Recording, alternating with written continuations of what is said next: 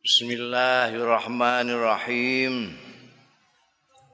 Qala al-muallif rahimahullah wa nafa'ana bihi wa bi ulumihi fid dharain amin. Al haditsus sadis wa thalathuna hadis sing nomor 36.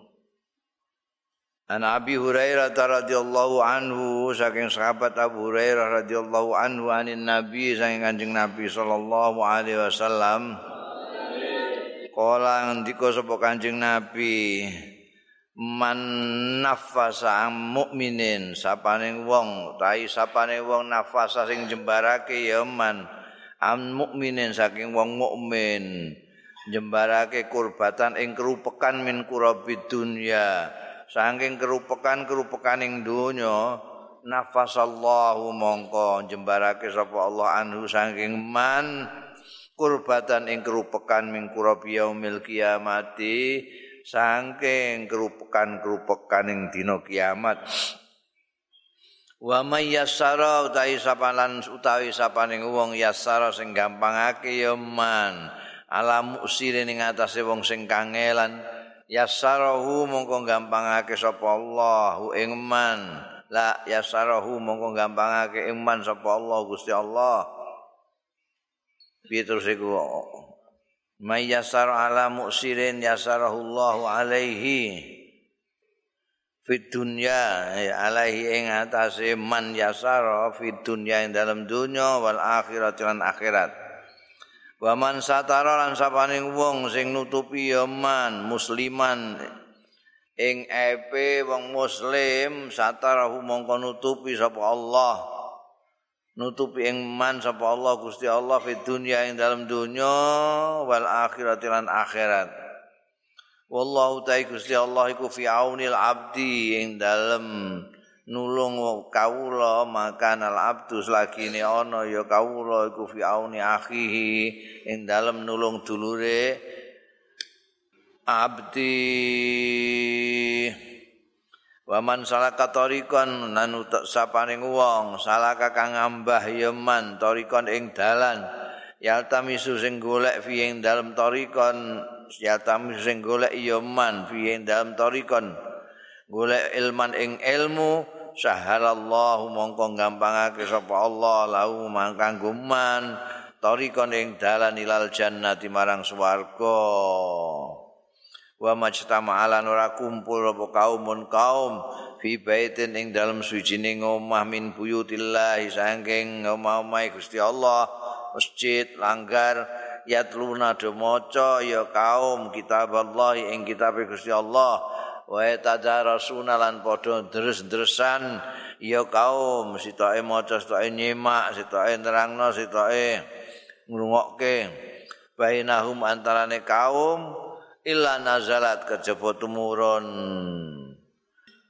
Alaihi mengatasi kaum apa asakinatu ketenangan ketentraman wa ghasyiathum lan nungkepi ing kaum apa ar-rahmatu rahmati Gusti Allah. Wa hafadhum al malaikat kan? Wa hafadhulan ngumpuli ing mereka apa al malaikatu malaikat. Wa zakarallahu lan nutur sapa Allah. Fiman indahu ana ing wong mereka indahu kang ana ngasane Allah Waman abtoa sapane wong sing kendu bi kelawan man apane amalu ngamali man lam yusri ora iso nyepetake. Man bi kelawan amale apa nasabu nasabe man. Rawahu muslimun riwayatake hadis iki sapa muslimun? Imam muslim bihadzal lafzi kelawan iki redaksi ini mengku pelajaran dawe Kanjeng Rasul sallallahu alaihi wasallam iki mengku beberapa kata mutiara, beberapa nasihat sing bagus. Nomor siji, wong iku nek ing donya iki gelem jembarake wong sing kerupekan, engko Gusti Allah arep males wong kuwi di jembarake ana ing kegentingane yaumul kiamah. Rupek kaya rupeke apa ae ning donya iku ora apa-apane dibandingkan dengan kegentingan yaumul kiamah. Nek kowe gelem bantu jembarke kerupakane wong misale kowe nulung dulurmu sing lagi kangelan ngutangi wong. Ah itu jenenge ndekne sumpek. Tangi akeh. Kok sebut tolong mbok utangi. Itu kowe jenenge jembarke ya. Nomor loro man yasar ala musirin nek kowe gampangake wong sing angel-angelan engko Gusti Allah taala gampangno awakmu ning donya lan akhirat. Gampangake iku piye? Ya gampang gampangan ambek wong. Ana kancamu utang karo kowe janjine Selasa. Selasa mara ning anu e Kang durung iso nyaur Kang. Durung duwe ora apa-apa. Kapan isamu kapan? Iku yasara iku. Kapan? Nek sak sak sak duwemu lah sak duwemu rasa mbok pikir dawa iku jenenge yasara. Oh kowe ngono kuwi engko ning donya ya gampang ning akhirat jadi gampang sampai Gusti Allah taala. Nomor telu aman satara musliman. Nek kowe gelem nutupi celane dulurmu, celane kancamu, celane kamanmu, kowe ning gone donya akhirat ditutupi dening Gusti Allah taala. Nutupi ku piye? Ya roh kancamu duwe keluputan, duwe dosa, ya aja mbok eder-eder, mbok kandak-kandakno sapa-sapa, mbok statusno barang ngono. Eh, ini status iku jenenge ngeder-ngeder ora nutupi. Eh, nek kowe gelem nutupi kancamu, nek ana wong ngrasani ya gak ora ngono. Iya kok ora, sah ora nek. Dadi nutupi. Najan kowe ngerti, kowe meneng ae ora ngandak-ngandak.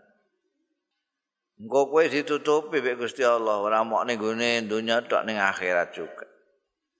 Ditutupi ku piye? Ditutupi ku ada dua apa? Kowe nek ditutupi karo Gusti Allah. Itu ana dua pengertian. Sing nomor siji, kowe ditutupi Gusti Allah iku kowe dosa iku gak ono sing roh. Liyane Gusti Allah tok, tutupi be Gusti Allah. Padahal kowe dosa. Tapi ana sing pengertian lebih tinggi lagi adalah kowe ditutupi ku ambek Gusti Allah artine kowe gak dosa blas. Kepengin ya ora, anu ya ora, iku berarti ditutupi sama sekali. Hmm. Nah, iku nek kowe gelem nutupi epe kancamu, epe wong Islam, kowe ditutupi dening Gusti Allah ning dunia maupun di akhirat nanti. Ning akhirat ya.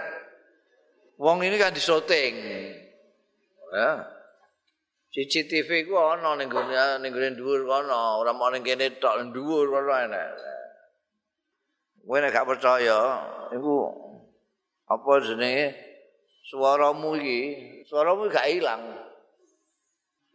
Nek ning kene mbok kei mic, mbok entukno tape recorder, alat perekam itu, iku suaramu ora ono kowe. Berarti suaramu ngeleyang ora ilang. kowe tau ora tepe kader apa gak kowe tepe kader iku sare wis rada lawas eh saiki wis ora model. Saiki rekaman niku rekaman HP kan ana rekamane. Suaramu iso mlebu niku dhuwur iku ana CCTV ora mok suara tok sak awake wong kabeh. Iki nek gak ditutupi iku ning kono kok didelok wong akeh iku. Delok bapakmu, mbokmu, mara tuwa bareng. Ya Allah. Ya nek pas lagi ndres pas sinau pas ngaji ngono ya enak. Wong do seneng bareng sing app-app iku. Lho, kok kaya mbrosot ning kandange pitik tangga iku sapa ya? Kaya rupane kaya kowe. Buar kowe. Tapi nek kowe biasa nutupi epe kanca, ngene kono ditutupi. Ditutupi ku diblur ngono. Eh kaya gambar rokok ning TV ngono iku diblur gak. Ora ketok rokoke.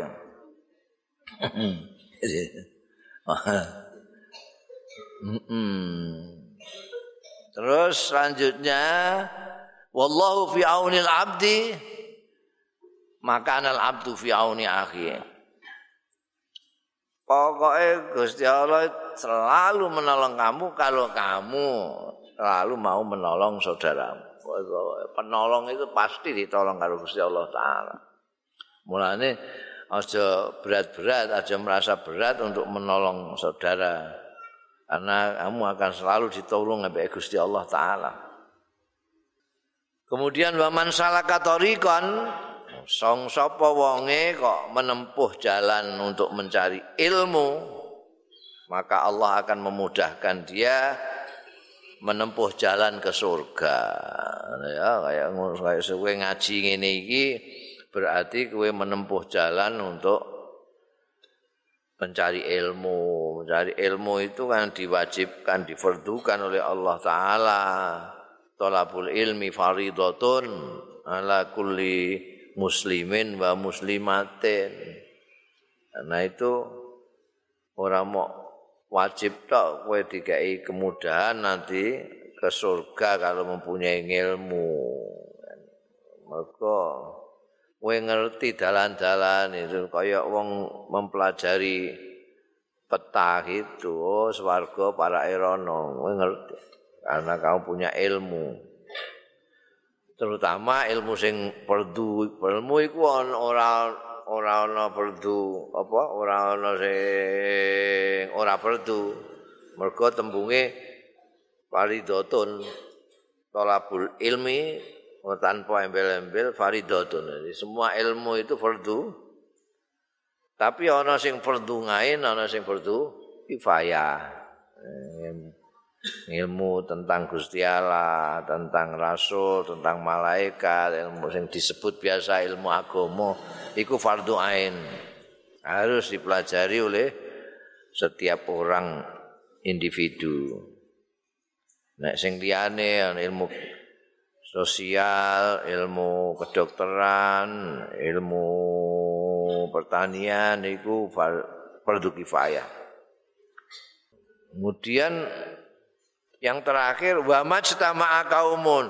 Nek ana wong-wong kaum, kelompok, komunitas ning masjid apa ning langgar maca Quran, deres-deresan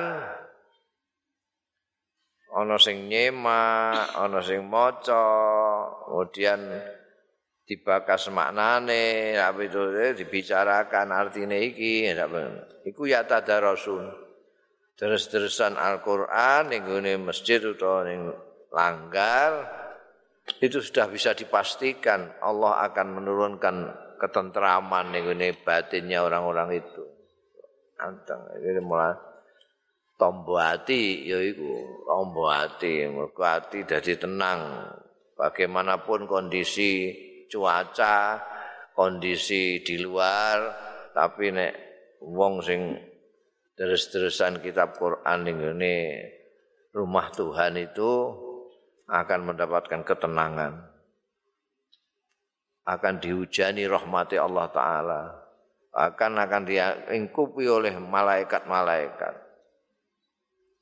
Gusti Allah taala akan membicarakan dengan malaikat-malaikat yang ada di sisi Allah taala. Wah Eka lho ora kaya kae kawula-kawulaku ning gone Rembang kae do ngumpul do terus-terusan Quran. Hikmah yang berikutnya waman abta'a bi amaluhu lam yusri bihi nasabuhu. Ya kowe ora kena ngendel-ngendelno keturunane kiai, keturunane wali. Aku iki malah keturunane nabi ya. Nabi Adam. Sing penting wong itu ngamale. nek ngamale kendo ora iso dicepetno mbekan nasape ngono. Ga iso. Wah iku anake kiai. Ya senajan ra ngamal kudu ra anu ga iso ga iso ngono. Ga bisa. Ana male kendo ga iso dicepetno dening nasab itu jadi ngamal itu ya anu tanggung jawabmu dhewe tanggung jawab dhewe Aja kok terus njagakno wong tuwa. Wong tuaku wis ngamali ibadahe kok aku sithik-sithik ora apa-apa ngono kan. Gak kena ngono kuwi. Gak iso nyepetno ngamal sing kendo dengan nasabnya.